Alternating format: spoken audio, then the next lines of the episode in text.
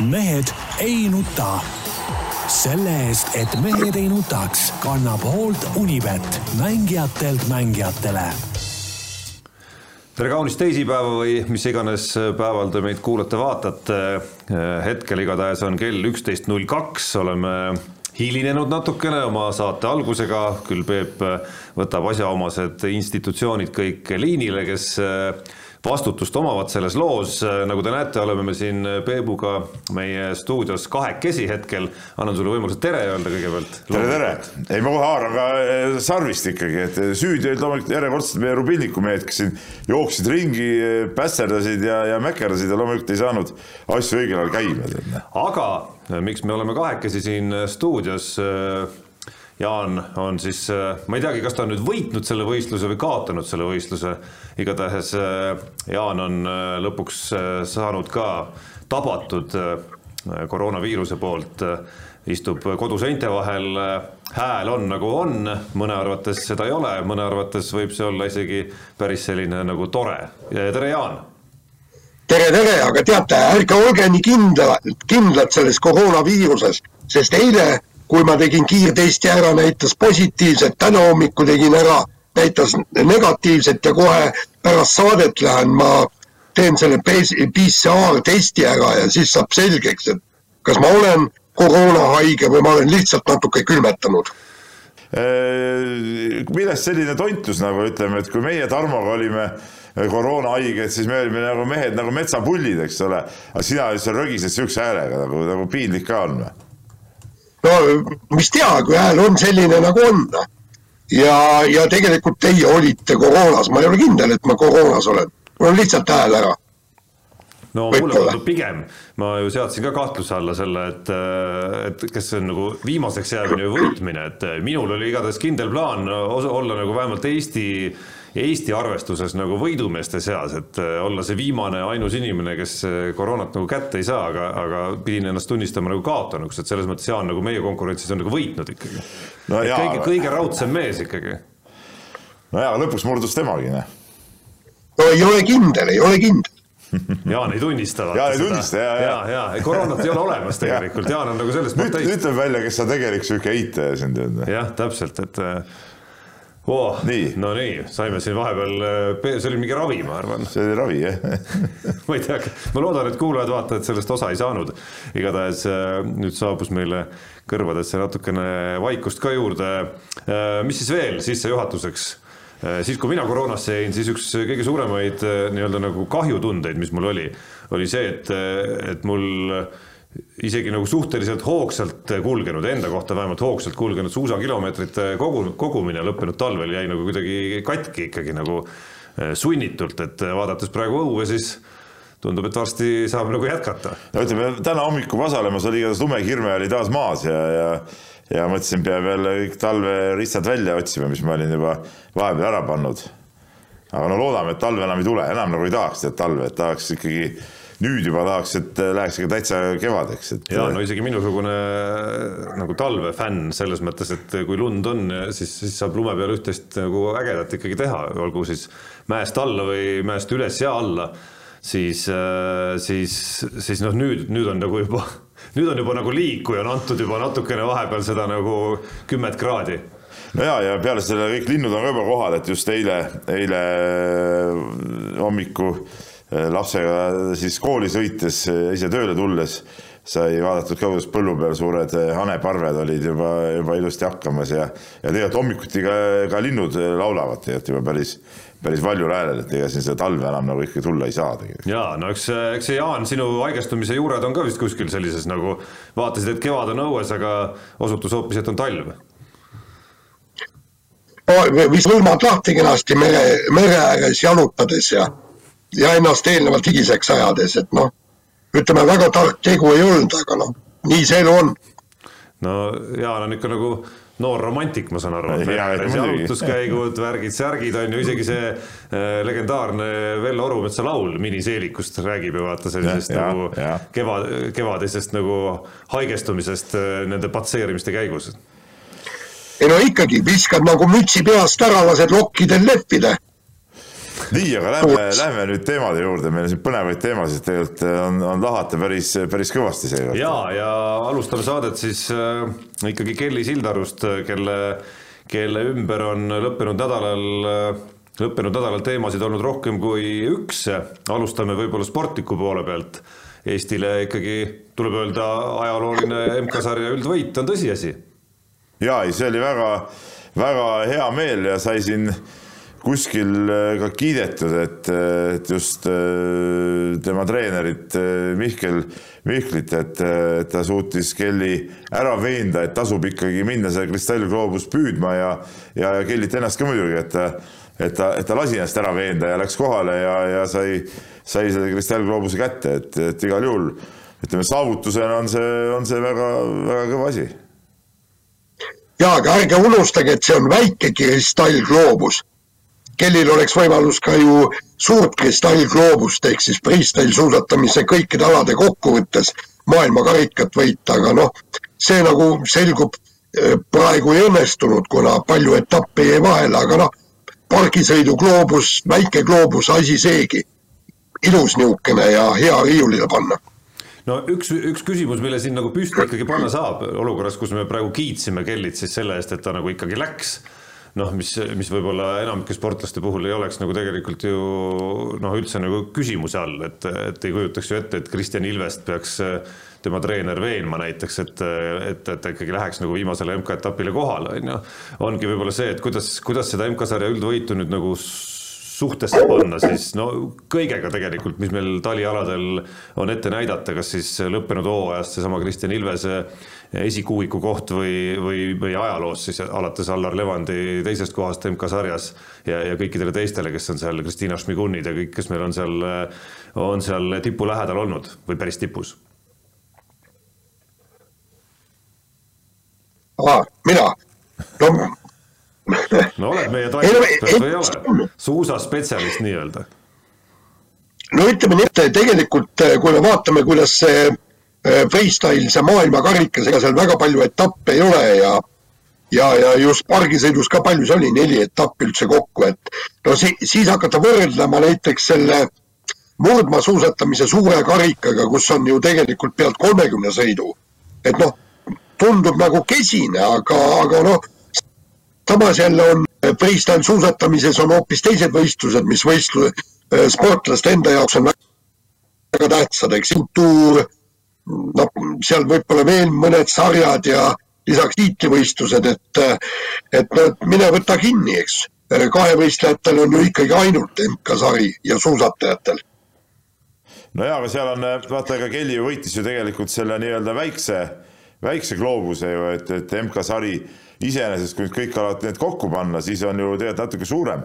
aga selge see, et FIS-il on siin päris kõvasti tööd ära teha, et see, et see oleks tõsiseltvõetavam, see, see MK-sari sellel spordialal ka ja, ja ma loodan, et noh, vaadates, kuidas see nagu, see ala aina rohkem päris spordi poole ikkagi nagu liigub tegelikult ja ja kõik see, kuidas olümpia see tähtsus ja nii edasi suureneb, et siis ma usun, et võib-olla mingi kahe-kolme-nelja aasta pärast võib-olla see MK-sari on ka hoopis teisel äh, tasemel ja kõik tipud seal osalevad ja see, selle võidu väärtus on veel suurem. no samas need tipud peaksid justkui nagu, ma ei ole aru saanud, kas need tipud ise nagu tahavad panustada sellesse, et MK-sari saaks ka hästi oluliseks äh, võistluseks ja sarjaks nende jaoks või mitte, et see et see hooaja lõpp jättis nagu mõnes mõttes ikkagi nagu kentsaka mulje, nii see üks etapp, mis seal ära jäi veel, äh, kui ka siis seesama viimane etapp, seesama noh, nii-öelda nagu ütleme, valmisolek tippsõitja poolt suhteliselt kergelt nagu loobuda ikkagi sellest viimasest ja vaadates selle viimase võistluse taset ka äh, ja ka Kelly kommentaare pärast viimase, viimast võistlust, noh siis, siis tundus, et seal nagu sellist nagu väga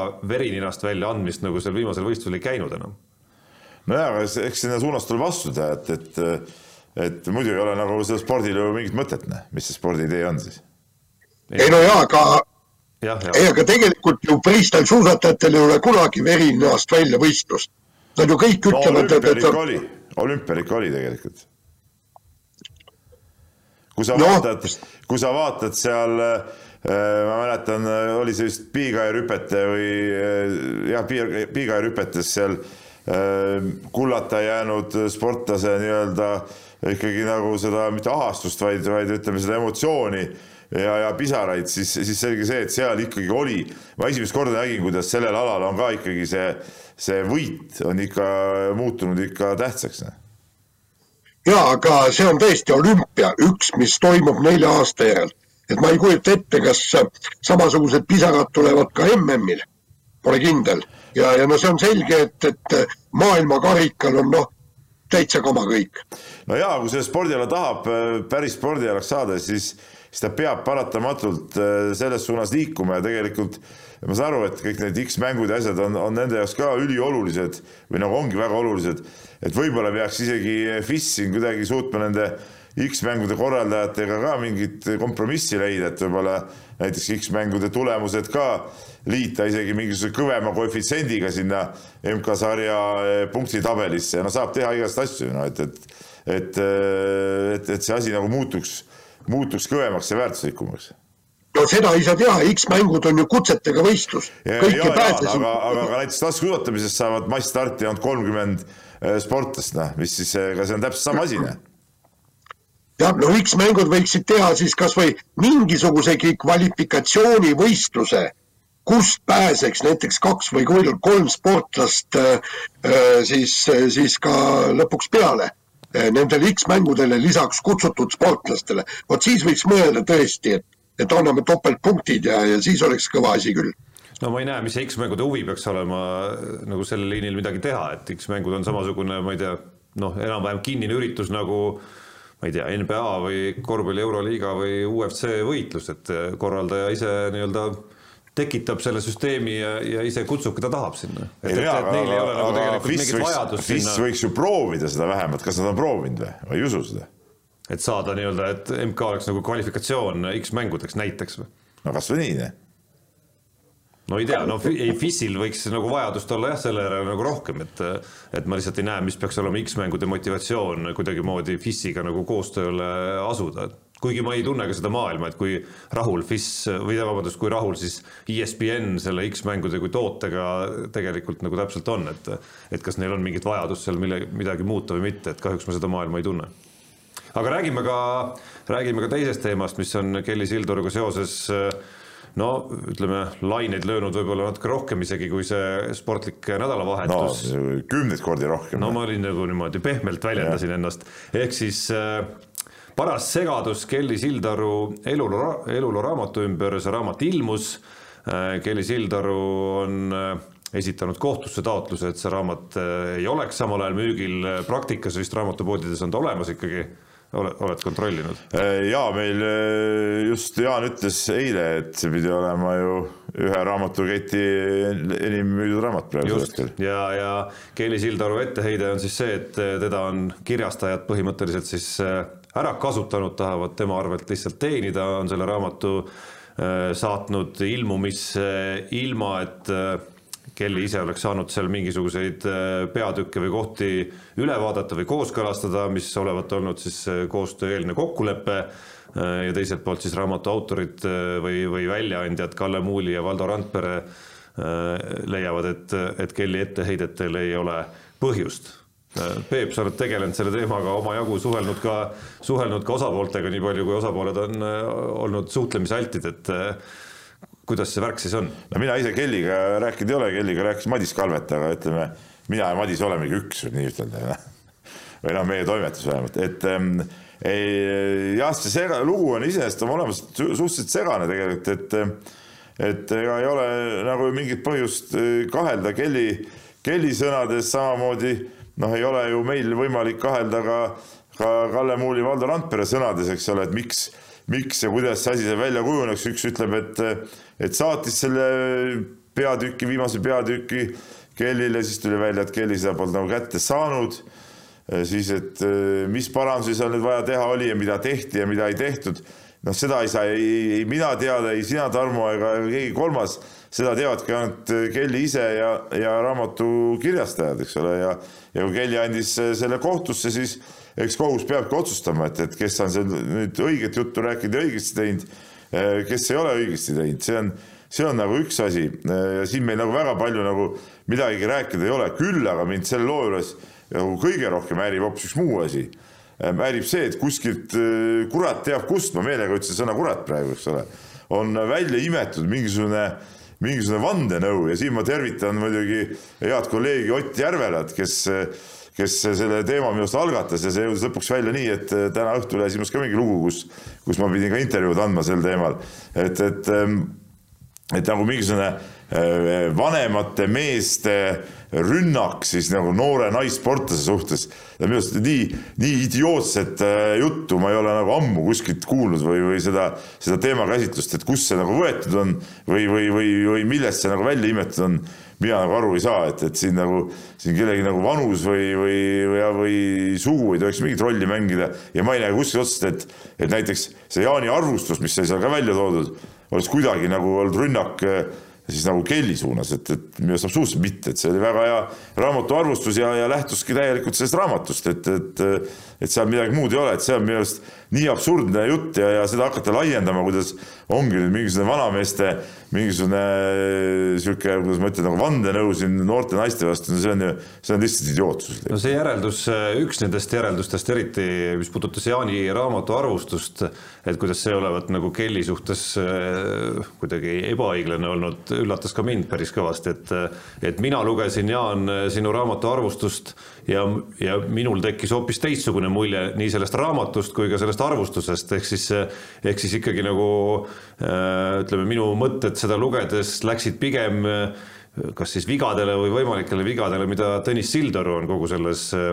nii-öelda kelli kasvatamise, treenimise protsessis teinud no ütleme niimoodi, et, et minu jaoks on kogu see, kogu see asi muutunud äh, koomiliseks ja kui sa, Peep, ütlesid, et äh, vanusel ei ole siinkohal rolli, siis tegelikult vanusel on rolli äh,. vanusel on rolli see, et, et nagu sa näed, et meie noored ajakirjanikud ei arvusta ise seda raamatut, ei kirjuta selle raamatu kohta kommentaare, vaid nad arvustavad arvustust.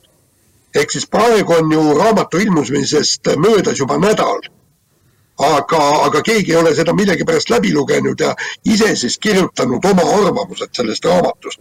aga, aga siin ongi see, et, et ma kahtlen, kas, kas noored inimesed üldse lugeda oskavad või suudavad nii pikka asja nagu raamat. teine asi on see, et, et, et, et seal toodi ära, et eh, vanad mehed ehk siis Kalle Muuli ja Valdo Randpere tegid selle raamatu kenasti valmis. aga mis keelas noortel seda teha, noorematel kirjanikel ja ajakirjanikel. lihtsalt äh, nad ei võtnud seda asja endale kätte ja, ja ei teinud seda ära ja, ja noh, jah, et siin noortele kolleegidele ikkagi soovitaks, lugege see raamat läbi ja kirjutage, mida te raamatust arvate, aga mitte seda, mida te arvate selle raamatu ümber käivast äh, ühest või teisest äh, kas skandaalist või, või mingist teemast no ühe asja ma tahan veel selgeks eh, ka rääkida, et et siin on välja toodud ka seda eh, kurikuulsat eh, nii-öelda kohtumist siis, kus me, Jaan, sinuga käisime ja siis Kalle Muuli ja Valdo Randperega, mis oli enne selle raamatu ilmumist, kus siis nad kutsusid mõned ajakirjanikud kokku ja rääkisid selle oma, oma loo ära sellest raamatu sünnist ja, ja seal mainisid tõesti ära ka, et selle viimase peatükiga neil niisugune väike lahkheli seal kelliga on. et nagu see oleks olnud mingisugune ütleme, kus pandi nagu alus siis selle Kelly ründamisele. Äh, tähendab, ma ei hakka ütlema, kes seal kõik äh, osalesid, see ei ole minu ütelda.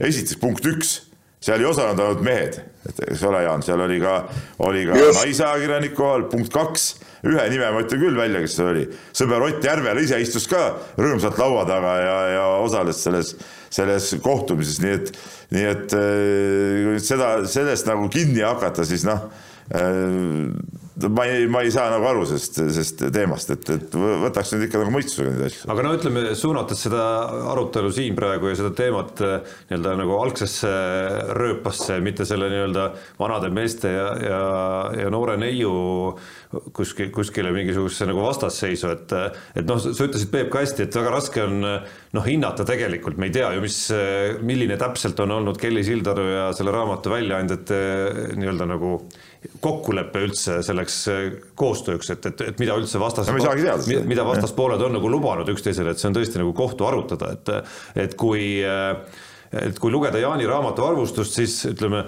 kui ma nagu esimese hooga näen pealkirja, et nüüd tuli see uudis, et Kelly on, on teatanud, et oma, oma esindajate kaudu, et tahab, et see raamat ära koristataks müügilt, on ju. noh, siis mu esimene mõte oli, et huvitav, kas see on nagu seotud kuidagimoodi noh, selliste nagu tundlikumate osadega, mida, mida on siin äh, tsiteeritud ka rohkem sellest raamatust, neid samu, neid samu noh, ütleme väga intiimseid, isiklikke ja, ja, ja, ja, ja ühtlasi ka väga keerukaid suhteid kajastavad osad, on ju, et siis nii, nii palju, kui ma olen nagu edasi osapoolte jutust aru saanud, siis tegelikult jutt ei käi ju sellest, et vägisi jääb pigem mulje, et jutt käib viimasest peatükist, sellest olümpiamängude, kuidas öelda siis nagu tõlgendamisest natukene on ju, et, et kas see, kas see ehk siis taandades seda juttu või seda nagu küsimust edasi, et kuidas see pronksmedal siis nagu paistab, et kas, kas seda peab mõtestama kuidagi kui sellist nagu pettumust või seda peab mõtestama kui sellist noh triumfi, kuidas saaks raamatu nagu lõpetada sellise nagu võimsa kolme hüüumärgiga, et, et Jaan, sina oled, ma ei tea, Peep, sa oled lugenud. jaa, muidugi. et, et kuidas, mina ei ole ainsana siis, et, et, et kuidas see, mis mulje see viimane peatükk siis nagu jättis teile? no mina võin kohe ütelda ära, et, et selles suhtes ma olen kui ma nüüd, ütleme, Jaan on teinud kirjaliku raamatu arvustuse, ma teen siin praegu kiire niisuguse suulise arvustuse raamatu kohta, et ma olen selles suhtes äh, Äh, Kellyga nõus, äh, et mulle ka see viimane peatükk iseenesest äh, otseselt ei meeldinud, minu arust viimane peatükk jäi lahjaks, emotsionaalselt lahjaks, liiga pealiskaudseks. Ja kui ma nüüd ütlen terve raamatu kohta, siis tegelikult terve raamat ise minu jaoks oli ka natuke isegi veel, veel liiga pealiskaudne, ma oleks tahtnud veel rohkem nagu detaile saada, aga sellest kõigest sellest, ma ei mõtle siin, siin nüüd mingi peretüli detaili, noh, neid, neid, neid oleks saanud ka võib-olla rohkem olla, aga see ei ole ju, ju ainult peamine, vaid veel rohkem detaile ka nendest, sellest ütleme, sellest noorusajast ja, ja kogu sellest tegevusest, et noh, et see raamat iseenesest jäi nagu liiga, liiga hõredaks minu silmis. ja noh kõik sõltub ju eesmärgist ja praegu paraku ma nagu sain aru, et eesmärk oli teha kiiresti see raamat valmis nii kaua, kui eh, Kelly praegu veel pildis on, sellepärast et noh, et me ei tea ju, kas sa said Peep raamatust eh, teada, et eh, kas Kelly jätkab ja kui jätkab, siis kaua jätkab, ei saanud ju. ei saanud teada ja, ja see on ka üks põhjus, miks ma kunagi ei poolda neid siukseid keset karjääri ilmuvaid äh, raamatuid, ka minu arust näiteks Kaia Kanepi raamat ilmus liiga vara sest pärast no. seda on tulnud hiilgavaid perioode, nagu ka praegune tal käsil on. ja no Kelly raamatu puhul ma isegi nagu ütleks, et see ajahetk võib-olla nagu ei ole kõige valem. kas peaks andma teise raamatu veel pärast no, välja? olümpia oli järel, no me ei tea, võib-olla, võib-olla siit ei tulegi nagu mingit raamatu jätku kohta, aga või miks mitte, võib anda ka nagu no, veel ühe raamatu no, välja. see on nagu aga totrus no,, ei tähendab karjääri, eh, tähendab eluraamatu võib anda siis, kui karjäär on läbi. ei vaata, mingi etapp tema karjääris ja tema elus ilmselgelt on saanud ju, ju selle olümpiaga Kuidas? ja, ja kogu sellega, mis on toimunud tema isa ja treenerite liinil ja perekonnas, noh, on, on justkui nagu mingisugune selline selline nagu noh, ma ei teagi nii-öelda nagu uue alguse koht ikkagi. mina arvan, et kahekümne aastane. motivatsiooni endale leidma ja mõtlema, mis ta nüüd edasi teeb oma karjääriga, et aga jah, see, see äh, kuidas ma ütlen kogu selle nagu tüli nagu põhiõun peitub ju ka selles, et, et kirjastajatel ilmselgelt oli nagu kiire, et nii nagu olümpiaraamatuid eh, on antud välja, ega noh, raamatu kirjastamise protsessidel ongi ju mingid trükitäht, mingid tähtajad, millal lähevad asjad trükikotta ja nii edasi. ja noh, siis tundub, et, et selleks tähtajaks, kus need asjad olid kõik justkui nagu paika pandud ja loomulikult äh, ei taha kirjastaja nagu olümpiaga jätta ja selle olümpia triumfiga jätta nagu liiga pikka vahet sisse juba selleks, juba sel-, sellepärast, et noh, suvel ei ole ei ole Kelly Sildaru ja, ja kogu suusatamine ja kõik asi noh, sellisel moel pildis enam on ju. et, et see on nagu selline elementaarne soov justkui, aga noh, see kiirustamine ilmselt tingiski olukorra, kus ühel hetkel olid sul nii-öelda nagu paika pandud tähtajad ja siis Kelly, kes ütleb, et oot-oot-oot, et ma ei ole päris rahul selle viimase lõiguga näiteks või viimase peatükiga jaa, aga te, kui me räägime nüüd sellest raamatu sisust ja sa, Peep, ütlesid, et neid detaile on vähe, et e, tõesti, neid detaile ei ole ülemäära palju ja e, liiga palju ma sealt uut välja ei lugenud.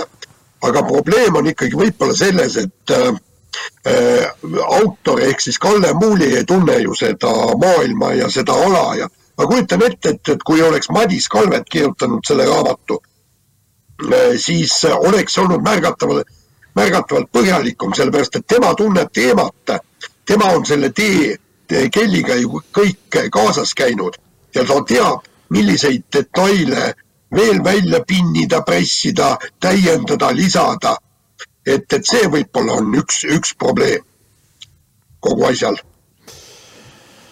ja aga noh, tervikuna ma arvan, mis ma tahtsin ütelda, mul lause katkes enne, et ma arvan, et kahekümne aast-, aastase inimesel ei ole veel noh, ütleme see eluluuraamat ei pea ilmuma, kui sa oled kakskümmend ja kui sa oled veel täisjõusportlane, et, et, et mulle pole kunagi need meeldinud raamatud, see on mu isiklik arvamus muidugi, eh, mis nagu lõpevad niimoodi ära, et sportlase teekond läheb tegelikult edasi ja ta lõpeb seal lihtsalt ühe koha peal ära, et, et nii nagu on tehtud väga häid spordiraamatuid eh, meie sportlastest, no näiteks üks Eesti spordiraamatute noh, tippe, eks ole, mis me teame, on eh, see Jaan Tatsi raamat, eks ole, tahtmine Jüri Tamme, Irdi inimene, noh, ütleme, mis on nagu siuksed äh, selgelt esile kerkinud, Märt Roosna Aavo keeleraamat, eks ole. noh, need on kõik ikka tehtud siis, kui see karjäär on juba läbi, kui sa saad nagu teha kokkuvõtteid ja, ja saad seda, saad seda täielikku pildi sealt kätte, et, et see on, need on nagu, need on nagu igal juhul nagu, nagu paremad raamatud noh, samas mida kõvem staar oled, seda rohkem ilmub neid ka karjääri ajal ja, no. ja, ja, no, ei, ma saan aru, aga see on äri, aga see on äri. ja ka häid raamatuid. jaa, aga ei, see on äri seal headuses ei ole nagu midagi pistmist. no ma arvan, et sa ei, ei ole nõus tunnistama ühegi, isegi kui sa, kui sa satud ükskord lugema raamatut, mille on väl-, mis on välja antud sportlase karjäärist, tema karjääri ajal, see lihtsalt selleks, et, et see nii-öelda, et sa saaksid raiuda oma asja, sa ei tunnista, et see raamat oli hea. ei, ma olen mõnikord tunnistanud, kui ma olen nagu meelt muutnud, sa no, tead seda. siis sa muudadki meelt ja siis sa räägid teist juttu juba nii, aga vahetame teemat, räägime, räägime ka muust spordist natukene. Eesti jalgpallikoondis mängis ära oma äh, mängis ära oma play-off'i esimese kohtumise Küprosega, täna siis kordusmäng võõral väljakul, null-null seisu pealt see jätkub, see duell avamängus siis Eestil noh, ütleme nii, võimalusi oli, aga Varr võttis meilt, võttis meilt väravad ära. Varri vist väga süüdistada ei saa. no mina olen alati öelnud, Varr on saatanast, tähendab, et see nagu esiteks rikub kogu jalgpalli dünaamikat, on ju. inimlikkuse. loeme suluseisus väravad ära. kuule, pärast kaks-null ees ju, meid ähvardas praegu mudaliiasse kukkumine. aga kui Küproselt oleks võetud kaks ära, siis no, räägiks sama juttu. see on teine jutt, aga sihukest olukorda ei ole praegu, mis me seda arutame, tead. Noh. selge pilt. räägime asjadest, mis on tegelikult. no tegelikult saab öelda, et Varr siiski näitas, näitas siiski, näitas siiski nagu, et, et need väravad ei oleks pidanud lugema no kahjuks küll jah, et aga kui nüüd tõsiselt rääkides muidugi see Eesti jalgpalliseis on nüüd ikka päris eh, kuristiku serval, eks ole, et kui nüüd tõesti kukutakse sinna äh, sinna kõige nõrgemasse divisjoni, mängitakse nende mudariikidega ja see veel mõjutab meie nii-öelda loosipada ka EM-i valikturniiril, noh siis, siis, siis on ikka väga halb tegelikult noh. No mõnes mõttes oli see selline natukene ettearvatav tulemus, et, et kui noh, ikkagi nagu väga, no ma ei teagi, play-off'i, mis ei oleks tähtis, on ju, et need play-off'i mängud on ju alati nii-öelda nagu elu-surma mängud, et et mängudes, kus kus nagu niimoodi kahe, kahest parim asjaga peale minnakse, et see esimene mäng väga tihti jääb ikkagi null-nulli kuidagi, kuigi antud juhul ei saa nagu öelda, et ei oleks võimalusi olnud, et mõlemal ju tegelikult oli, on ju.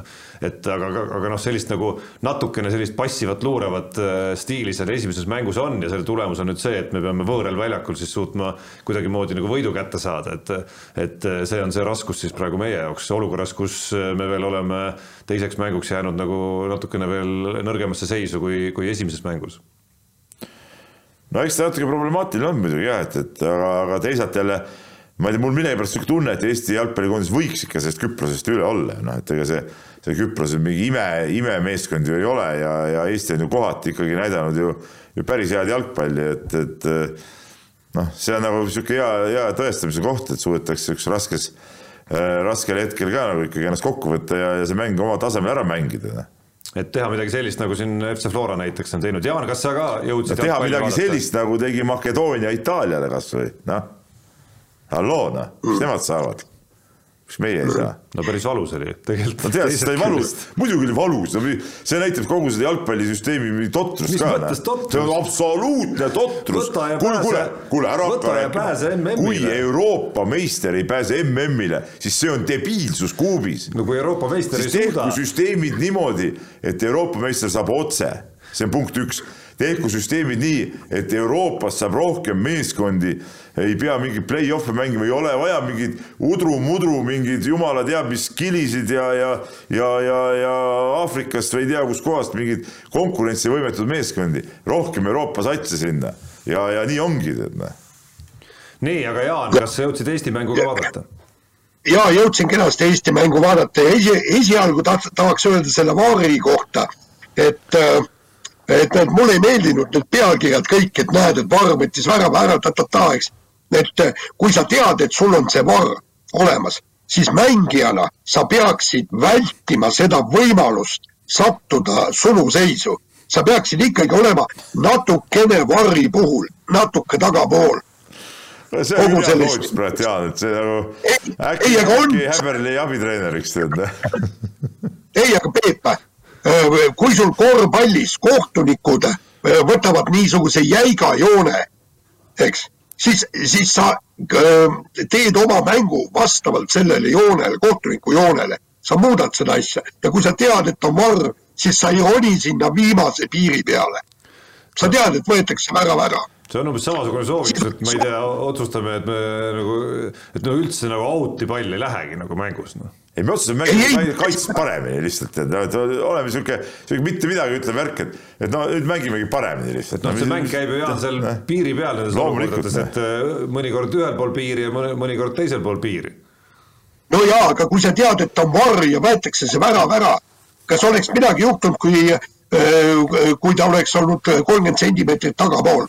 No oleks midagi et, et seda ei ole seal millisekundite jooksul nagu võimalik nii hästi nagu kontrollida ikkagi, et üks pool näeb vaeva selleks, et äh, mitte suluseisus olla ja teine pool näeb pigem vaeva selleks, et vastane oleks suluseisus, et et noh, nii lihtsalt läheb kord ühtepidi, kord teistpidi okei okay,, aga siis ära süüdista Varri. aga keegi, tegelikult vist ei ole keegi süüdistanud Varri või ma ei tea, ma ei ole Eesti jalgpallikoondise ei, ei oli küll pealkirjades küll, et Varr röövis äh, no, see, see oli nagu see on nagu, see on nagu ajakirjanike nagu, selline ja, nagu, et saaks pealkirja natukene nagu kõlavamaks, on ju.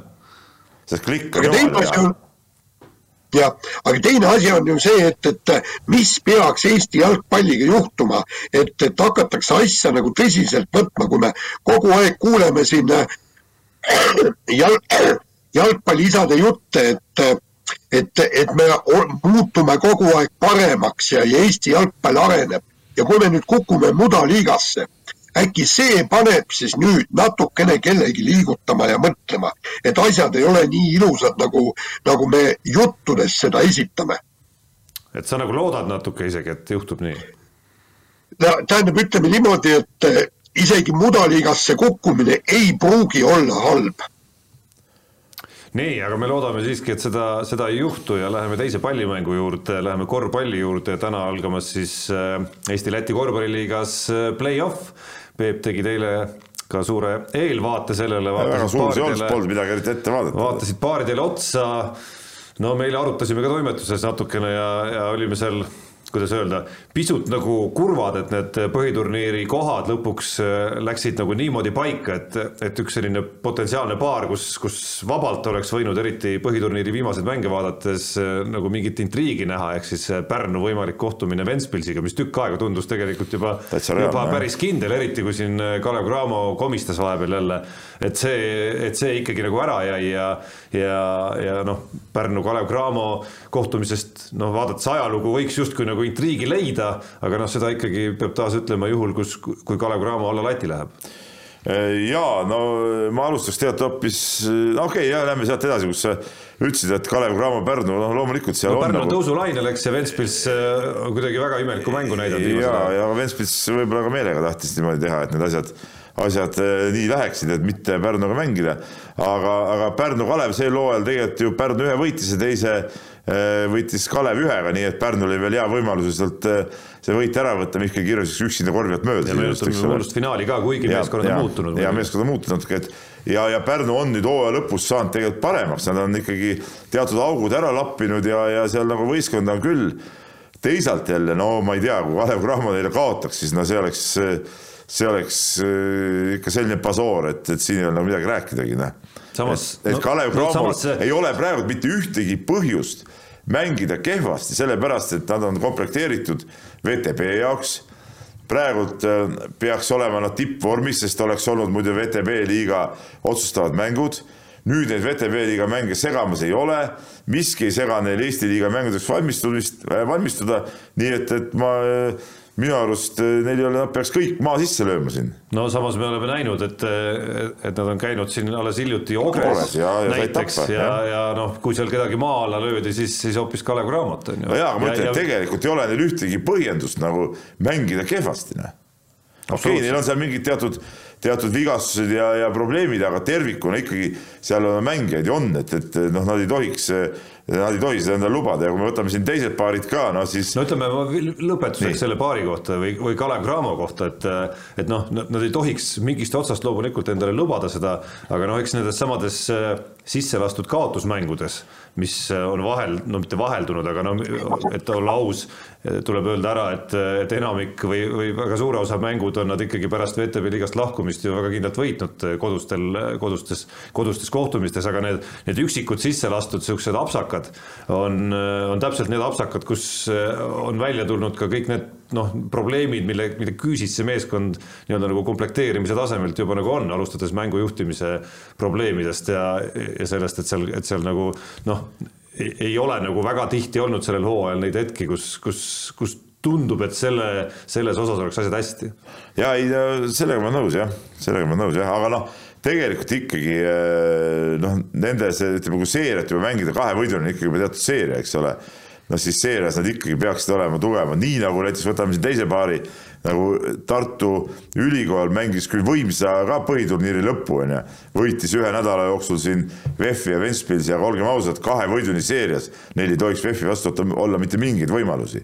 et, et see, sellest seeriast ei ole ka kõigi eelduste kohaselt meie mõttes muidugi kahjuks Eh, midagi rääkida ja, ja suhteliselt eh, ma kardan, et ka vähe on rääkida Viimsist ja, ja Ventspilsist, kuigi ütleme, Ventspilsi peal on küsimärgid, aga ma ise arvan, et nad ikkagi väga ei tahtnud neid võite saada, mis nad siin kaks viimast mängu olid, aga see on mu isiklik arvamus.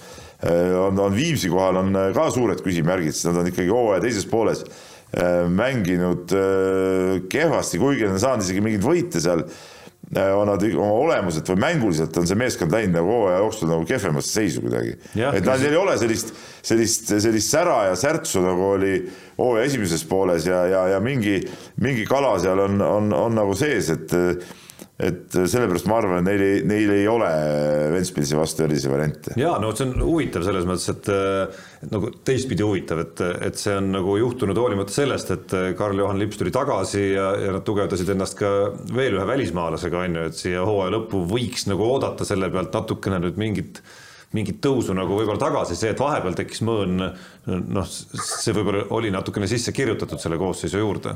pigem seal on, no ma siin räägitud jah igast jutte, no ei tea, et eh, jah, see lipsu tagasitulek, eh, ei teagi, kui hästi see nagu mõjus tervikuna, et, et et eh, ta on ikkagi niisugune mees, kes tahab platsil väga domineerida ja, ja kokkuvõttes see, see võis jälle lüüa mingeid asju paigast ära nii, aga, aga, räägime... aga lõpuks jõudsime viimasena nagu hoopis selleni, selleni, kellest tahaks kõige rohkem rääkida. ehk siis eh, TTÜ ja, ja, ja Ogre. TTÜ just. Eh, ja loomulikult värdnimesid me ei kasuta.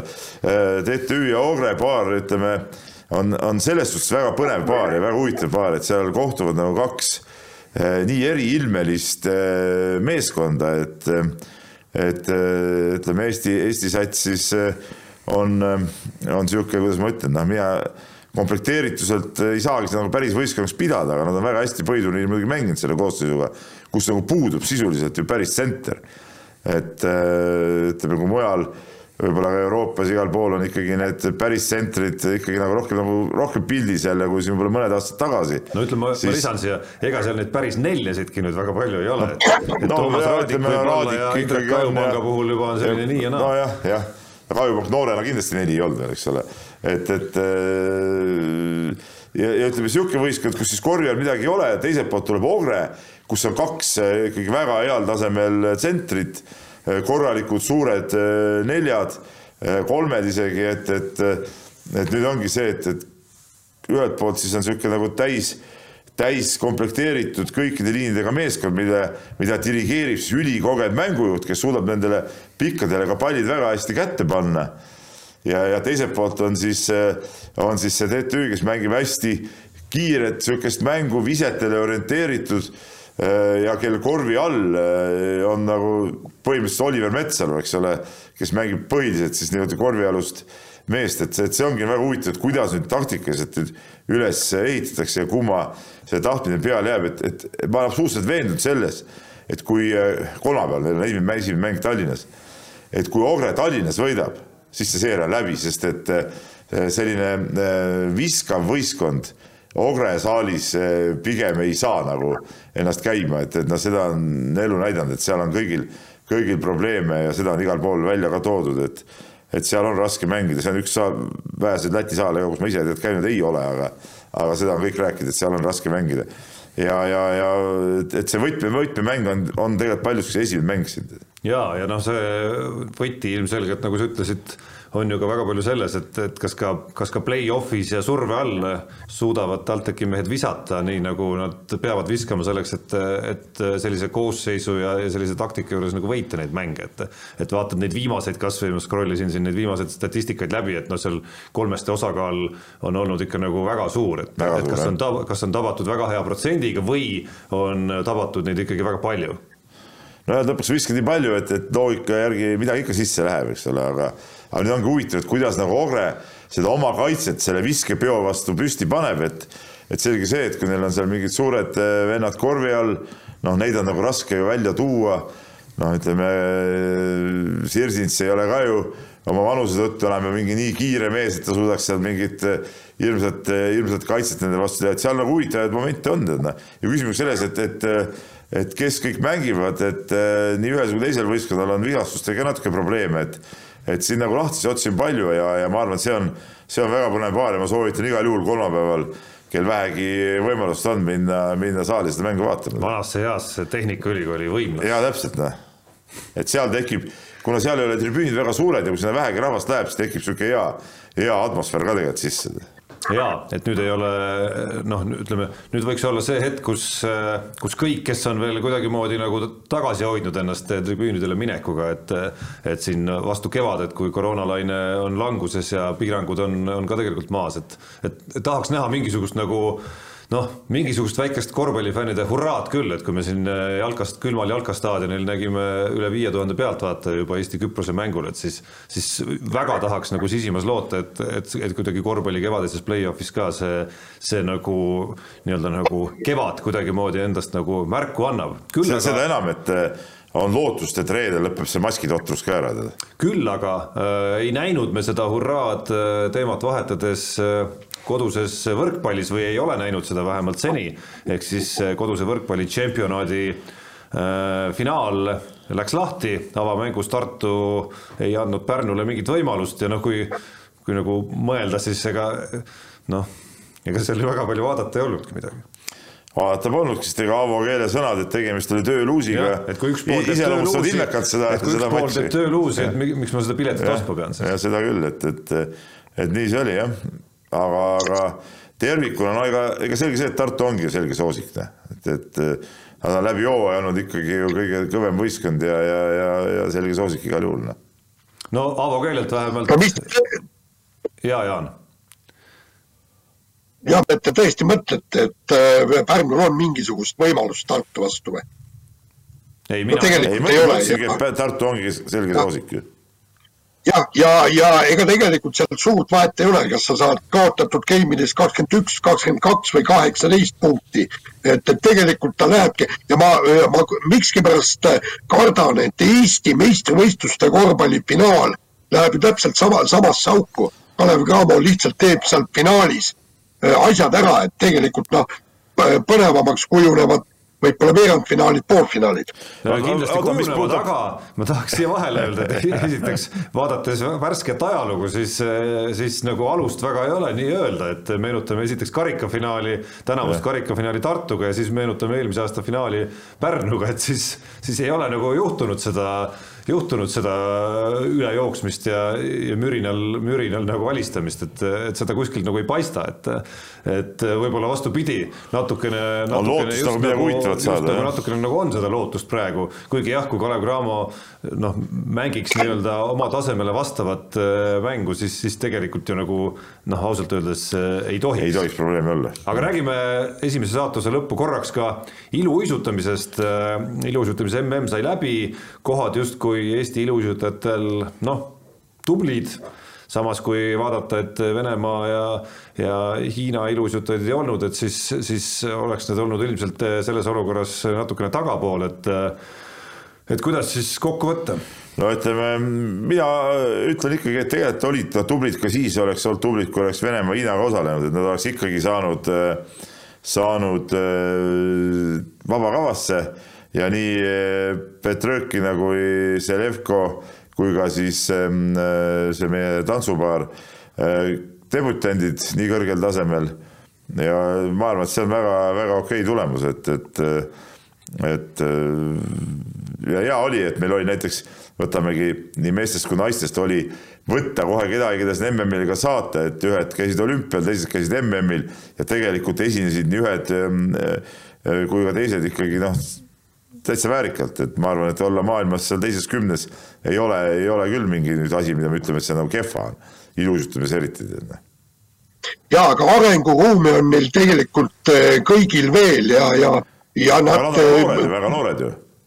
no nagu aga konkurente, ma arvan. No, aga... või suur osa ei, mitte päris, no ütleme muidugi on noori seal ka, aga, aga ma ütlen veelkord, et nemad olid esimesed, Petrõkin oli esimest korda üldse suur võistlus oli väljas, et, et no, no okei okay,, ta oli siin kodusel EM-il ka, aga ütleme MM-il esimest korda väljas.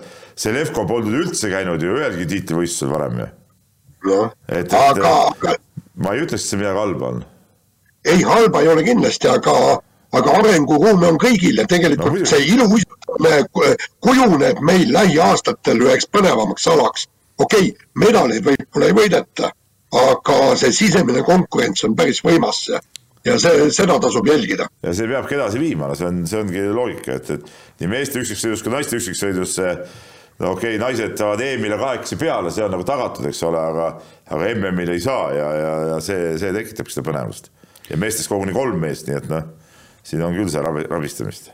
nii, aga laseme siia vahele ühe väikese kõlli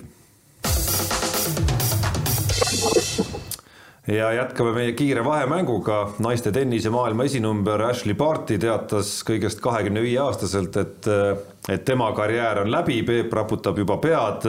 no ma võin enam-vähem sõna-sõnalt, ma arvan, ette, ette kirjutada ja ma usun, et meie pikaajalised kuulajad ka ja vaatajad suudavad ka enam-vähem nagu sõna-sõnalt nüüd ette kujutada, kuidas Peep Ashley Bartit hakkab nahutama, kuidas ei ole ikkagi nagu õige spordinaisega tegemist no ma ei ütle midagi. Et noh, see kõik on teada. ja, ja ei, kõik on õige. Ja muidugi ei ole, no tähendab, et, et, et mis mõttes kahe-viie aastast lõpetab karjääri, et, et noh ma ei, seda on raske mõista. no aga ei ole maailmas üldse esimene juhtum, kus, kus eriti aladel, kus, kus nagu väga varakult alustatakse ja. juba noh, nii-öelda nagu väga tõsisel tasemel korraliku pinge all treenimisega, kus ikkagi nagu ühel hetkel noh, saab sellest tippsportlase tambist nagu mõõt täis, Martina Hingisel käis see krõks vist esimest korda varemgi ära. aa, Hingis tuli tagasi pärast. ta tuli lõpuks tagasi jaa, aga noh, ikkagi, ikkagi kaks. et ikka ei saa niimoodi seletada, vaata see spordihing lõi ikka välja, tead noh, aga ei, niisuguseid asju muidugi olnud on ka, ka muudel aladel olnud, et äh, ei no kokkuvõttes igaühe vaba valik, ega siin midagi teha ei ole, aga, aga mina nagu hindan ikkagi neid, kes suudavad spordis teha ka pika karjääri, et, et pigem võib-olla isegi kasvõi mõni võit vähem, aga sa oled nagu pikka aega ja, ja, ja oled nagu töös kogu aeg, noh, minu arust see on nagu, see on nagu väärtus, nii nagu ma hindan ka neid inimesi, kes ühes kohas töötavad kümme, viisteist, kakskümmend, kakskümmend viis aastat, mitte iga viie aasta tagant ei vaheta kuskil kohta. Peep, aga kui, kui sportlane leiab, et see on liiga pingeline püsida niivõrd tipus ja, ja tal on juba võitnud seda, mida ta on tahtnud no ei viitsi enam. no tal ei ole kõiki Läheb... suure slam'i turniiri võite ju. talle, talle, tema jaoks on piisavalt ja teine on just see, et, et et kõik see, kõik see suhe, eks, et kui palju sa pead pingutama selleks, et olla maailma esimene. ja kui inimene ei ole selleks enam suuteline, miks siis mitte pakkida otsad kokku, kusjuures parti on ju loobunud äh, varem ka, ta hakkas naiste kriketit ju mängima vahepeal. No kui ta läheb teise spordi peale, siis noh, miks ka mitte, no peaasi sporti teeb inimene. jaa, aga samal ajal äh, noh, samal ajal on, on nagu troon vaba mingis mõttes, kuigi see naiste tennise troon ei ole, ei ole nüüd viimastel aastatel olnud, olnud nagu väga kindlalt kellegi käes, aga noh, hetkel justkui oli just selline nagu tunne, et, et kas äkki Ashley Barti kehtestab ennast nüüd vähe stabiilsema esinumbrina, kui siin, kui siin viimasel ajal kõik esinumbrid olnud on meie vaatevinklist oleks, oleks ju tore näha siin praegu Anett Kontaveidil samamoodi suurt võimalust, aga, aga praegu tundub see kõver nagu noh, ütleme, saate ajalugu on meil õpetanud, et ei maksa kaotuste järel nii-öelda maalida liiga dramaatilist pilti ja võitude järel liiga juubeldavat pilti, aga aga hetkel natukene murettekitav on see, on see trend ikkagi. No natuke on jah, et, et äh, ei ole nagu asjad võib-olla kõige, kõige paremas seisus küsimärke päris palju õhus tegelikult noh. et, et, et kui me võtame selle Kontaveidi seisu, et, et minu jaoks on küsimus see, et miks näiteks treenerid seal turniiril kaasas ei olnud, et et kui nad enne seda turniirile minekut olid mõlemad siin Eestis, no mis need põhjused siis on, et miks, miks koos ei mindud ja ilmselgelt ma arvan, et see mõjutas näiteks Kontaveiti kõige rohkem. Ja, ja kurb ongi see, et, et on küsimärgid, et äh, küsimused, millel ei ole vastuseid ja, ja ei saa ka küsida ja ajakirjanikud on ikkagi sellest tennisest, äh, vähemalt noh, Eesti tennisest üsna kõrvale tõrjutud, et, et paraku midagi teha ei ole. et isegi kui me kohal käime, siis me ei saa teatud küsimustele vastuseid aga vahetame teemat, võrkpallist me natuke rääkisime, räägime veel, Eesti võrkpallinaiskond sai uue peatreeneri ja kui äh, sai siin äh, räägitud mõni saade tagasi sellest, kuidas Aavo Keel on näidanud huvi välja naistekoondise peatreeneri töö vastu, siis äh, ikkagi jätkas Võrkpalliliit välja kujunenud joont ja peatreeneriks valiti siis senine abitreener, itaallane Alessandro Orefice. No ei saa aru, ma ei saa aru, mis, mis pagana välismaa ihalus sellel Hanno Pevkuril on, on ta üldse Eesti mees või ei ole, tead näe? No mina saan sellest loogikast nagu aru, on ju, et kui peatreener, ei, ma saan sellest loogikast aru, et peatreener läks ära, see oli Võrkpalliliidu jaoks äh, ikkagi nagu ootamatu, et loodeti temaga koostööd jätkata ja siis nii-öelda nagu järjepidev, järjepidevuse huvides võeti nagu tema abitreener, kes noh, oli nagu samast tiimist ja ja saab sama asja justkui nagu edasi ajada iseasi, kui, kui edukas see praktikas siis oli. ei no ja kui meil on siin omal ka treener olemas, näiteks võtame sama Avo Keele, kes tõesti ütles ju avalikult välja, et ta. aga samas ta ei ole veel naiste treenerina nagu midagi teinud. no, no sellest ta on meeste treenerina teinud ja, ja, ja Ott ei too nagu ütleme, noh. ja mis sa tõesti arvad, et nii kogenud, tähendab, ma ütlen nii, et, et niisuguses vanuses mehed saavad lõdvalt nende naistega hakkama igast asendist, igast poosist, noh, ei ole mingit juttu, tead, noh ja, ja küll oleks Aavo saanud ka täiesti kindel, oleks need naised tööle pannud, eks ole, et oleks füskad korda aetud, oleks mäng paika pandud no,, kõik oleks tulnud.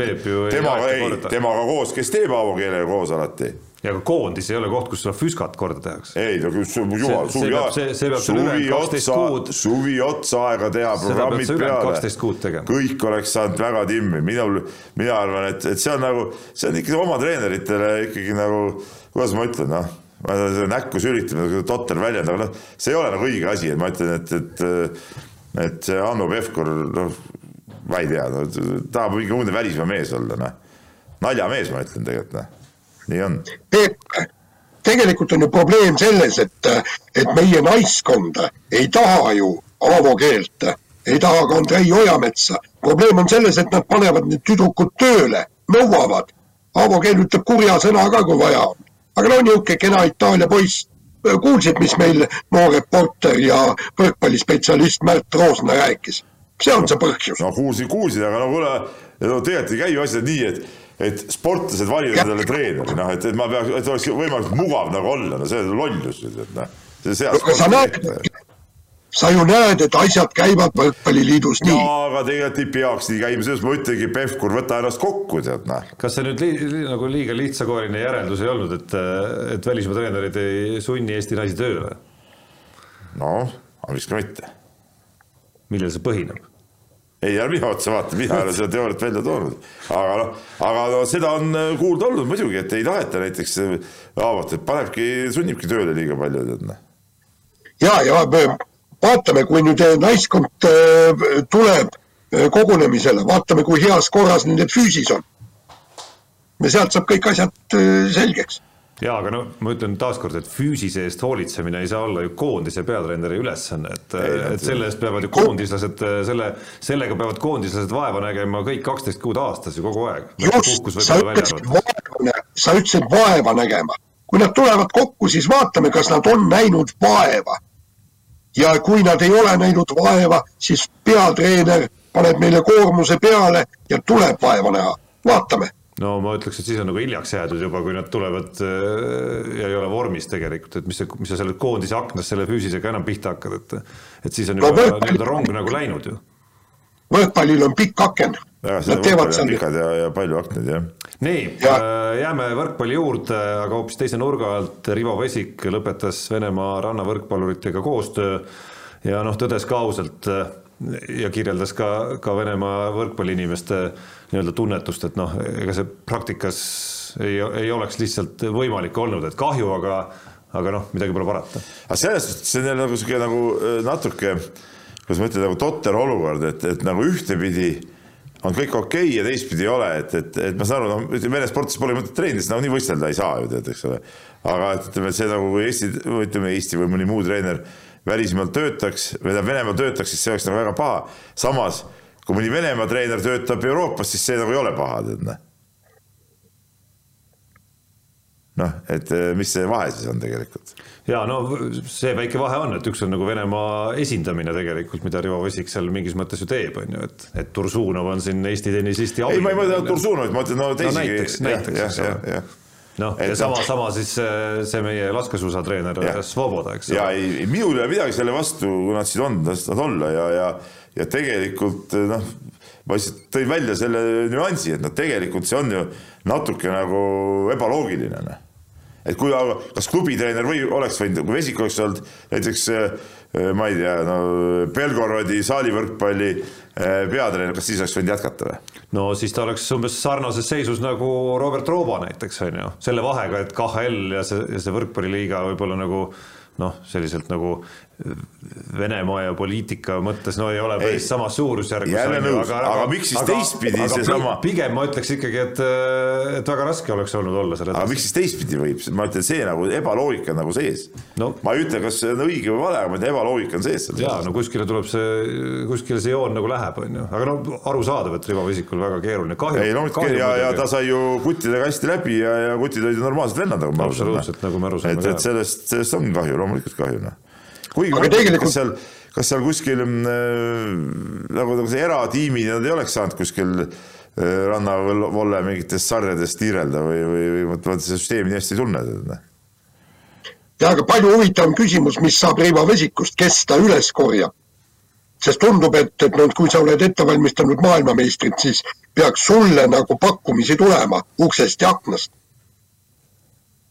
no mis need Eesti rannavõletajad teevad, no võtku need siis endale treeneriks. no ma arvan, et, et Rivo Vesik saab palju kõrgemaid pakkumisi no,. peaks saama muidugi, jah. nii, aga vahetame teemat äh, ja nagu ikka, tekitavad äh, ütleme siis tiitlivõidud, eriti kui need tulevad kergejõustiku, mitte võidud, aga noh, ütleme saavutused, eriti kui need tulevad kergejõustiku sise tiitlivõistlustel poleemikat Äh, samuti siis hiljutise sise MM-i järel, kus neljandaks tulid Karl-Erik Nazarov ja Hans-Christian Hausenberg ja, ja noh, küsimus on, kuna nii-öelda nagu olümpiaaladega tegemist ei olnud, siis, siis kuidas neid neljandaid kohti asuda nüüd EOK toetuste äh, süsteemis äh, siis nagu mõtestama ja, ja mis toetused need mehed peaksid saama edasi? no tegelikult ei ole mõtet ju rääkida sellest, peab see olema mingi A, B, C või, või mis iganes toetus, no tegelikult oluline on see, et, et kuigi nad ei mahu nendesse kriteeriumisse, on selge, et tegemist on selliste sportlastega, kellel peab olema tagatud ettevalmistus, eh, kõik tugiteenused ja, ja sissetulek. see, mille alla nad selle panevad, on ta B või C pluss või, või ma ei tea, A seitsme miinusega, sellel ei ole mitte mingit vahet. fakt on see, et need inimesed, kes selle eest vastutavad, peavad tegema kõik selleks, et nendel sportlastel oleks kõik tagatud ja, ja, ja nii ongi ja seda tulebki, tulebki paindlikult lihtsalt võtta. teoorias peaks meil olema Team Estonia, kuhu kuuluvad sportlased saavad kõik vajalikku selleks, et osaleda öö, tiitlivõistlustel, võita Eestile medaleid. ehk siis vajaduspõhiline toetus pluss palk see on teooria. Estonias, vaata siin mingi aeg oli isegi mingi kus kultuurikatlas või kus oli. suur üritus. või, või oli see, jaa, oli vist kultuurikatel, mis iganes see oli, oli suur üritus, kus see nii-öelda nagu seal veel nagu uuendati seda ja kõik seal käisid ja rääkisid tähtsat juttu. aga sisuliselt ju midagi ei ole muutunud ju tegelikult no et oleks nagu no, selged ka, siis nii-öelda MM-i neljas kuni kaheksas koht, eks ole, on see EOKP tase Äh, mis on siis tuhat kuussada eurot palka ja tuhat nelisada eurot ettevalmistustoetust, on ju, et sealt lihtsalt see järgmine aste selles kogu selles redelis, see, see C-tase on selline noh, päris suur nagu samm allapoole. No,, tõsi, seal vahel, seal vahel on mingi C pluss, eks ole, ka veel, et noh, ma tegelikult nagu ei kahtle väga ja ajalugu on näidanud viimasel ajal, et küll, küll leitakse need, küll leitakse need lahendused küll ja, ja Kergejõustikuliit on siin noh, ütleme, ei ole ka kõige võimetum alaliit, kes ütleme nende lahenduste otsimisel. no olgem ausad, et tegelikult ju EOK-s ka selle valdkonna eest paljuski vastutab ju Kerguse president Erik Tegamägi ka isiklikult, et, et ma arvan, et seal nagu küll ta, küll ta hea seisab selle eest. aga saatuse lõpetuseks, aa Jaan, jah jah, Teigamägi on ju tippspordikomisjoni juht, kes jagab siis ta, no ma arvan, et, et Teigamägi võiks natukene kergejõustikust midagi teada. ma loodan vähemalt aga selle saatuse lõpetuseks äh, Gerr Kriisa äh, hooaeg äh, NCAA-s sai läbi, ehk siis furoori oli kõvasti sellel hooajal, kerkisid ikkagi nagu ka jooksvas tabelis väga kõrgele, aga, aga lõpuks ikkagi nii-öelda kui play-off läks väga tõsiseks, siis, siis sai see, sai see lend nagu otsa. et väga huvitav, see lend lennuks, aga väga huvitav on nüüd minu arust pigem see, et mis nagu edasi saab ja kuidas tema karjäär edasi hakkab minema, et ilmselgelt meeskonnas on muudatusi toimumas, ilmselgelt peaks roll muutuma, tõusma, aga ilmselgelt on ka asju, mille kallal ma arvan, järgmistel kuudel päris palju tööd on vaja teha. ja no seal on jah, need küsimused on kõik õhus, nagu sa ütlesid ja, ja, ja, ja roll roll muutuma nüüd, et äh, sa mõtled, et ei ole mängujuht või mis mõttes? ei, ma mõtlen nagu selles mõttes, et seal ikkagi nii mõnigi meeskonna liider ju, ju lahkub koolist. aa, ei no selles suhtes küll jaa, et, et, et aga noh, teine asi on see, et, et nüüd et, ongi. seda kohustust, seda satsi ja ootust seda satsi nagu päriselt nagu liidrina vedama hakata, tekib kindlasti juurde. no siin on tarvis tal endal ka kõvasti juurde panna, ma arvan, et tal on terve hea suvi on, on ees selleks, et selle kallal tööd teha, noh eelkõige puudutab see ju loomulikult kõik seda äh, kaitsemängu, ütleme veel füüsiliselt on läinud palju tugevamaks. aga eks ta saab ise ka sellest aru, et ta peab veel tugevamaks saama.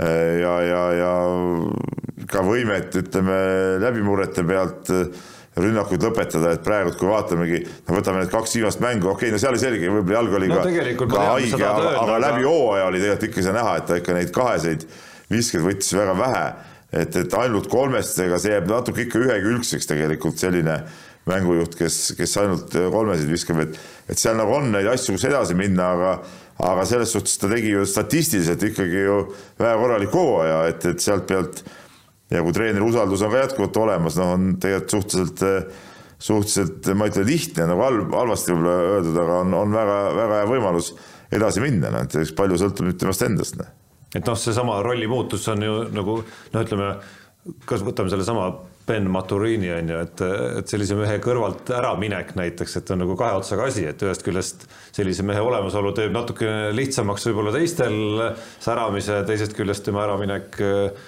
tekitab kohustuse ja võimaluse tõusta kellelgi noh, kas samasse rolli või, või, või natuke rohkem äh, säravamasse rolli, et et selles mõttes tõesti äärmiselt, äärmiselt huvitav ja ma loodan, et Kerr ütleme siis kasutab kõike seda nii-öelda teist poolt, millest me oleme siin rääkinud ka saates ja millest on palju pealkirju ka meediasse jõudnud, kogu see mänguväline ja kõik see kemplus seal vastaste või vastaste fännidega, et et seda kõike nii-öelda möllu, mis on järgnenud Arizona väljakukkumisele, et kasutab seda siis nii-öelda sihtotstarbeliselt, ehk siis ainult ja ainult väga kõvaks motivatsiooniks eelseisvatel kuudel, aga nüüd väike paus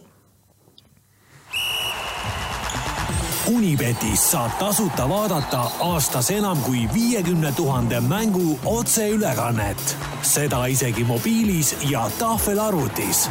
Unibet, mängijatelt mängijatele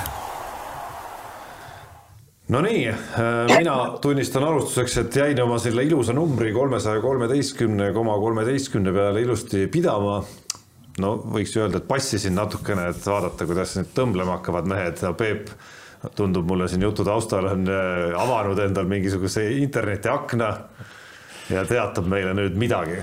ei ole midagi teatada, sellepärast et ma tegin, tegin tõesti, tegin korraliku kombo, kombo, aga Äh, kahjuks üks, üks mäng alles käib, et ma ei, ma ei, ei saa, ütleme praegu on variante on veel võita, variante võita viiskümmend kolm eurot üheksakümmend üheksa senti väljamaksena.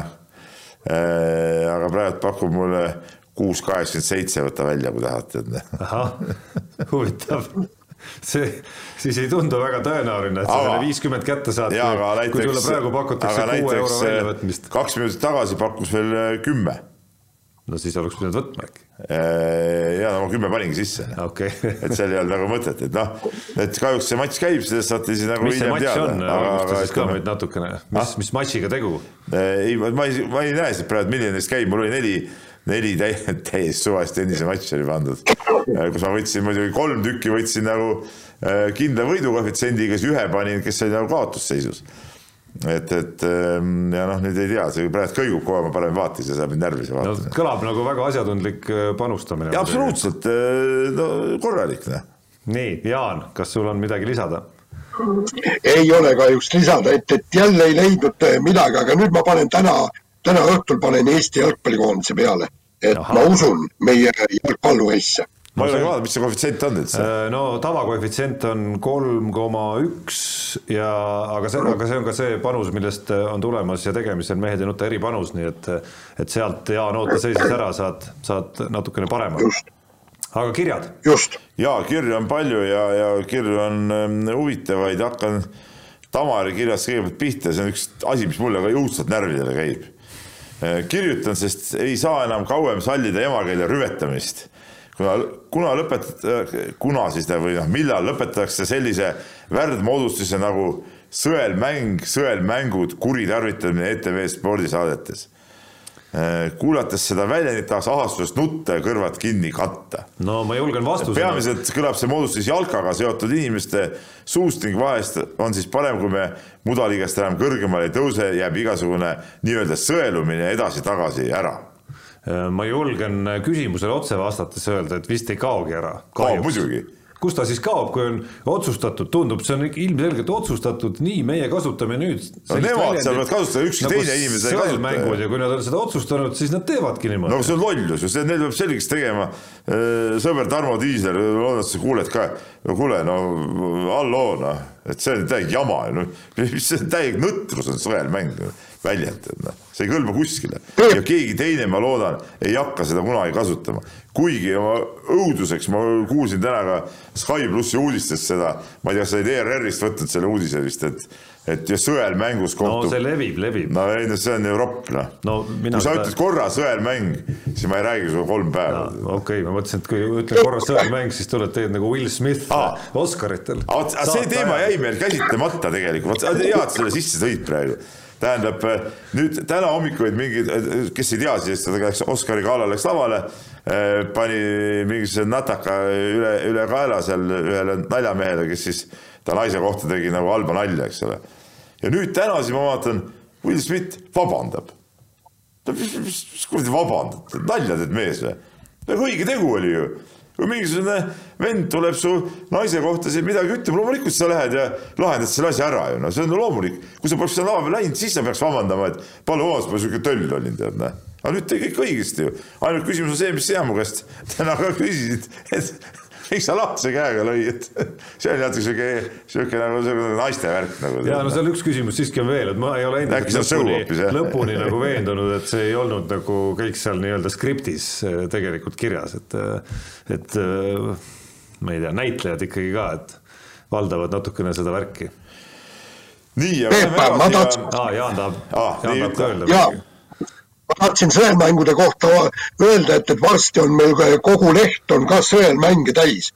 meil on ju korrektuur ja kui nemad võtavad eh, eh, nõuks, et play-off'i asemel tuleb panna sõelmäng, siis nad ka panevad. ja sa ei saa sinna vastu ise, midagi panna. olles ise külje peal toimetaja, tihtipeale olen ma ka mõningaid meie kuulsa korrektuuri parandusi ka tagasi parandanud, mis mulle ei meeldi. ja, ja teen seda järjepidevalt tegelikult. ja, ja soovitan ka sul, Jaan, teha. Nii, aga Jaan, nüüd natuke väike rihmutusnurk sulle. kirjutas meie vana kirjasaate Mihkel Plaas, ma tahan Mihklile panna südamele, et tegelikult sinu kirju me ikka nagu ootame nagu alati, et, et ei ole ammu, ammu sa midagi kirjutanud. Äh, kui sul on ikkagi midagi nagu hakkab kõrva, siis, siis kirjutad, see on alati nagu, nagu hea. Ja siin Jaan ta nüüd rihmutab sind sinu tänase vormeli artikli eest, sa olid siin ikka soperdanud nagu ikka päris kõvasti tegelikult, et, et äh, mis teema selle TRS-iga siis on, et kas, kas siis äh, sõitjad kõik ka selle vastu või, või nagu autosport kirjutab, Leclerc ja Verstappen selgelt toetavad seda? Nad leiavad, et DRS võib olla, aga neid reegleid tuleb muuta, sellepärast et see viimane vormel üks kihutamine Saudi Araabias, see läks, muutus ikkagi täiesti totraks ja tegelikult, kui, kui me loeme nüüd ajakirjanduses, mida, mida siis need eksperdid arvavad ja, ja ajakirjanikud, tõesti vormeli ajakirjanikud, siis nad on ikka täiesti materdanud selle DRS-i maha, et sa kujutad ette, võidusõidu eesmärk on olla enne DRS-i joont tagapool. no see ei ole võidusõit. ei no aga sõida, ja... aga variant on ka sõita lihtsalt eest ära, et eh, vend ei jõua DRS-iga järgi, noh.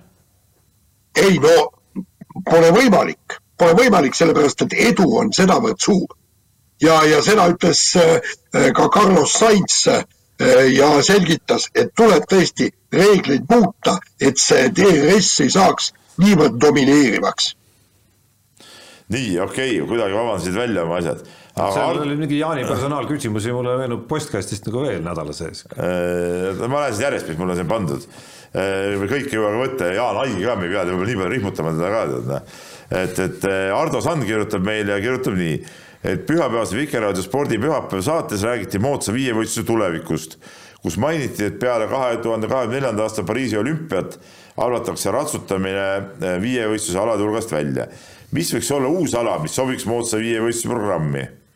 Äh, saates räägiti, et see ala ei tohi olla kulukas ja samas ka mitte aeganõudev, sest kogu võistlus peaks mahtuma pooleteist tunni sisse, ise pakuks seina ronimist või discgolfi kuue raja läbimist lihtsustatud variandina no,. mõlemad moodsad alad ja sobiksid hästi, et mida ise pakuksid, ma mitte kumbagi ei pakuks. ei no discgolf võtab siiski omajagu aega. kuus rada. kuus rada võtab siiski üksjagu aega. ja võtab ka aega ja peale selle, no see, no see päris sport ju ka ei ole, no see on niisugune mõnus jalutamine ja see, sihukest ala ei, ei, ei taha sinna sisse no Kalju ronimine võiks veel mingi variant olla, see on nagu füüsiliselt sihuke hästi-hästi nõudlik ja, ja, ja, ja, ja noh, miks ka mitte, tead noh, miks ka mitte. kuigi ma nagu ei saa sellest ratsutamise väljaarvamisest nagu aru, et, et tegelikult eh, peaks ikkagi jääma nende traditsiooniliste alade juurde, et ma siin nagu ei taha seda välja, üks variant võiks olla siis, et, et jääks nagu sadulas olemine, siis vaata on ju see, see kauboid ja see, see. Rodeo või? Rodeo jah, et oled selle masina otsas ja kes kauem püsib, et pannakse seda kiirust kogu aeg juurde ja kes kauem püsib, tead ja aga tegelikult on räägitud, et nad tahavad jalgrattasõidu ehk siis maastikukrossi sinna Eh, sinna juurde tuua, aga minu meelest on see viievõistlus juba nii ära lörtsitud, et, eh, et seda ala nagu sisuliselt enam ole, olemas ei ole. mingisugune laskejooks on seal ja mis igasugused asjad. see ei ole õige asi. jura jah, tähendab viievõistlus oli ikka sihuke, vaata, sa ei saa kõiki spordialasid suruda pooleteist tunni sisse, noh. noh, varsti ongi see, et teeme siis seda tunni kümnevõistlust ka kogu aeg, eks ole, et ei olegi nagu päris kümnevõistlust, et, et noh, see on nagu, see on jura tegelikult, noh et tee need alasid no, ikka, see on nagu viie ala võistlus, eks ole, sa pead need viis ala korralikult läbi tegema, mitte see, et mõtleme pooleteist tunniga sind jooksen lasen, ma ei tea, jooksu pealt tor torkan kedagi sinna kuskile, no mis, mis see ei ole mingi reaalne asi ju. ja no lihtsalt teisest küljest noh, siis lepidki sellise noh väga traditsioonilise, aga, aga üsna marginaalse ala staatusega. aga sa nüüd no,, aga nüüd, aga sa nüüd, kui nad laskejooksu teevad, vahepeal sukelduvad seal ja siis torkavad kedagi, sa vaatad seda. ma tahtsingi jõuda sinna, et, et samas ka nende muudatustega no päris keeruline on siin mingisugust olulist nagu äh, lüket nagu muutust ja suurt muutust nagu saavutada. selles huvis just ja atraktiivsuses. nii aga lähme edasi ja üks korvpalli küsimus, mis on väga hea küsimus tegelikult ja seda saatis meile vist Tamm-Tamm, kui ma nüüd ei eksi ja, ja, ja küsimus selline, et tal on kaks korvpalliküsimust, esiteks Tartu mängis oma põhijoa viimases mängus Ventspilsi vastu, eh, visates seal kaheksakümmend kolm punkti, Eesti meeste panus oli seejuures üheksa punkti, Rosenthalil kuus, Suurorg kolm. Rosenthal on Tartu kasvandik, Suurorg on Viimsi kasvandik. meenus Tiit Soku intervjuu peale esimest treeningut Tartus, Tartus on parim korvpallipüramiid. küsimus, kas siis on, kas siis, kui klubil on parim korvpallipüramiid, võiks olla ka oma püramiidi mängijate panus suurem kui kuus punkti kaheksakümne kolmest? No Tartus tegelikult ütleme, ongi päris korralik püramiid no,. Eesti parim vaieldamatult. et, et siin ei ole midagi öelda, seda näitavad ka noortevõistluste tulemused ilmekalt. nüüd küsimus selle kohta, milliseks on see milliseks, milliseks on rollid, ütleme, kujunenud selles praeguses Tartu meeskonnas, eriti pärast äh, uue peatreeneri tulekut. ja uue peatreeneri tulekut ja siis veel ukrainlasest äh, noore, aga tundub, et väga tubli mängumehe lisandumist, et, et see on nagu eraldi küsimus ja, ja, ja ma siin rohkem võib-olla kui nagu süsteemile noh, utsitakse võib-olla neid mehi, kes seal on väga väikestesse rollidesse jäänud, siis nagu peeglisse vaatama, et et võimalusi on antud ikka tõesti viimastel hooaegadel ju, ju kandikul tegelikult, et, et seda mänguaega on saadud avansiks ja ja, ja nagu selle taha midagi kindlasti ei ole jäänud, Tartus vähemalt, et, et kuidagi noh, on satse küll, kus, kus me näeme, et on legionär sõidab läbi nagu, nagu kusagilt hoovist on ju ja et kuskil on mingid Eesti poisid, kes võiks nagu rohkem võimalust saada ja, ja kes saavad selle alles kuskil viimases hädas on ju, et noh, Tartus tegelikult seda probleemi ei ole, et, et neil on kõik võimalused antud ja võib-olla siis peab, ma ei tea, vaatamagi hoopis nagu teise nurga alt, et kas see noh, kas see nii-öelda avansiks andmine siis võib-olla ei olegi nagu õige tee? ja ütleme nii, et ei no kindlasti mingil määral on õige tee, aga aga elu on näidanud, tõepoolest võtame nüüd, lähme nagu personaalseks, Robin Kivi, Hendrik Eelmäe on saanud ikkagi väga palju nagu võimalusi ja, ja ei ole suutnud seda ära kasutada, erinevalt just Rosenthalist, kes on siis Kiviga ju sama aasta mees ja, ja noorteklassist samast eh, võistkonnast. Eh, ei, sa pead järgi vaatama, ma tean seda väga hästi. Et, et eh, ei, ma hakkasin vaatama seda, et, et, et, et aga need kaks meest näiteks ei ole suutnud, okei okay,, eelmine on olnud palju probleeme, Kivil siin oli, oli ka mingid hädad, aga nad ei ole suutnud seda ära kasutada, no Suurorg, kes on tegelikult nagu Viimsist tulnud, noh, on ennast natuke pildile mänginud, aga ka ikkagi läheb raskelt ja ja eks, eks see on, no nüüd väga oodatakse sellelt noorelt tassalt, et kaks tuhat neli sünniaasta poiss no mina tean teda ka juba väiksest peale, seal, seal kindlasti on päris, päris kõva potentsiaal äh, peidus, et et ma seda Tartu korvpallipüramiidi süüks nüüd jah, midagi ei ajaks, et pigem nagu selles suhtes Tarmol oli õigus, et need mängijad ise peavad ennast, ennast nagu kokku võtma. aga siin on teine küsimus on veel samas kirjas ja ähm, teine küsimus puudutab siis äh, G4S noorteliiga meeskonda ehk siis maakeeli Audentest, veel maakeeli Siki võistkonda Äh, korvpalli esiliigas mängib siis G4S noorteliiga meeskond, nad on saanud neli võitu kahekümne ühest mängust. Äh, varem mängis Audentese meeskond meistriliigas, kaks tuhat kaheksateist märts, aasta märtsis kirjutas Peep niimoodi, et Audentese spordikooli korvpallimeeskond nelja aastaga saanud meistriliigas vaid ühe võidu ja korvpalliringkondades on pikalt arutatud selle üle, kuidas lõputud kaotused noortele korvpalluritele mõjuvad äh, Audentese, Audentese noori mängijaid valiva, vooliva treener Indrek Visnapu hinnangul peaks meistriliigas osalemise otsustama komplekteerituse järgi. ta möönis, et viimastel aastatel Audentese, Audentesega liituvate poiste tase teinud vähikäiku ja siit tuleb nüüd küsimus, kas G14 noorteliiga meeskondadel ei oleks tasemele eh, vastavamaid liigasid kui esiliiga, näiteks teine liiga ja U kaheksateist meistrivõistlused no üks minu, kuna ma ise, ma võib-olla ei ole no päris erapooletu siin muidugi, aga ise ka esiliigas mängides on mulle alati äh, nüüd tundunud nagu ebaõiglane see, et seda G4S meeskonda seal nagu vägisi hoitakse, selle tõttu teised ka noori või mängijaid kasutavad äh, meeskonnad äh, tegelikult ju kannatavad.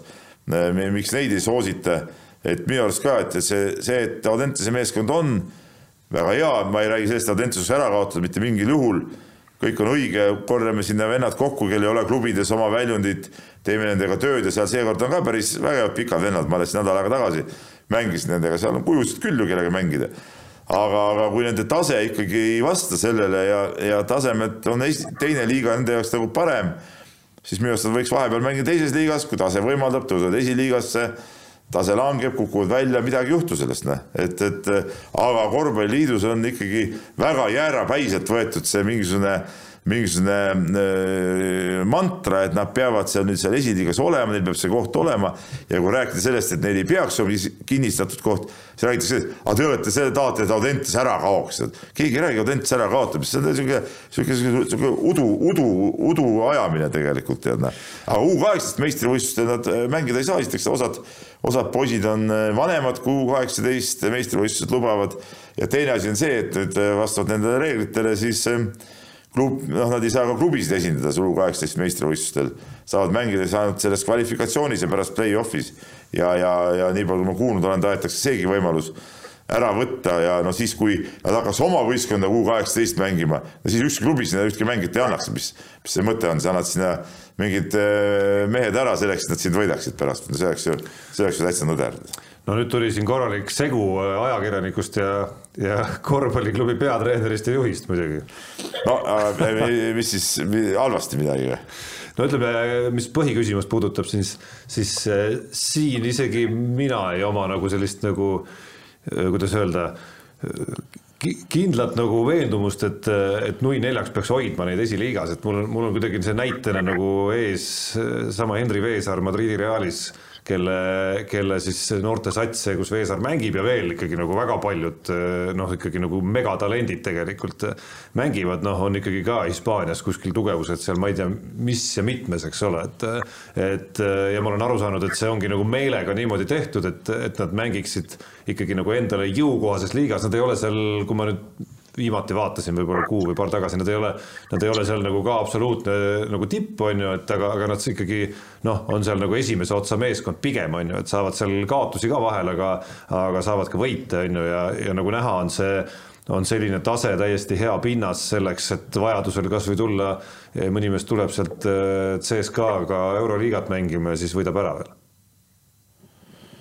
nii. ja nii on. Äh, ma veel vaatasin. Te olete suutnud juba ja ma tahan öelda, et te olete poolteist tundi suutnud juba selle korvpallijuttu ajada, aga mina pean siit sääret tegema, sest mul on koroona testimise aeg nii et no, nii. teie rääkige rahulikult. me lõpetame ära ja Jaani rihmutamisküsimused jäävad, jäävad ootele, Jaan.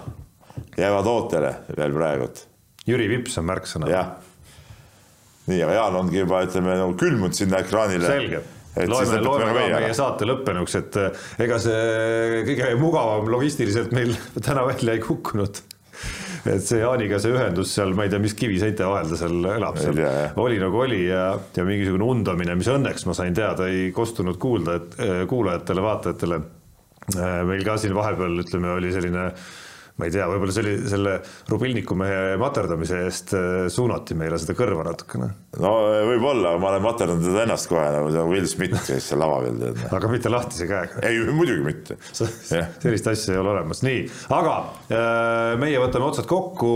Ei, on olemas vaata enne kui sa otsad kokku võtad, vaata on niisugune võistlus, sa oled näinud seda, et kui pannakse siis, kes nagu ennem pikali kukub, et kordamööda vist löövad, eks ole, kes ennem pikali kukub, siis see on kaotanud, tead. no sa oled käinud seal? ei, ei ole. kindel? täiesti kindel oled täitsa kindel?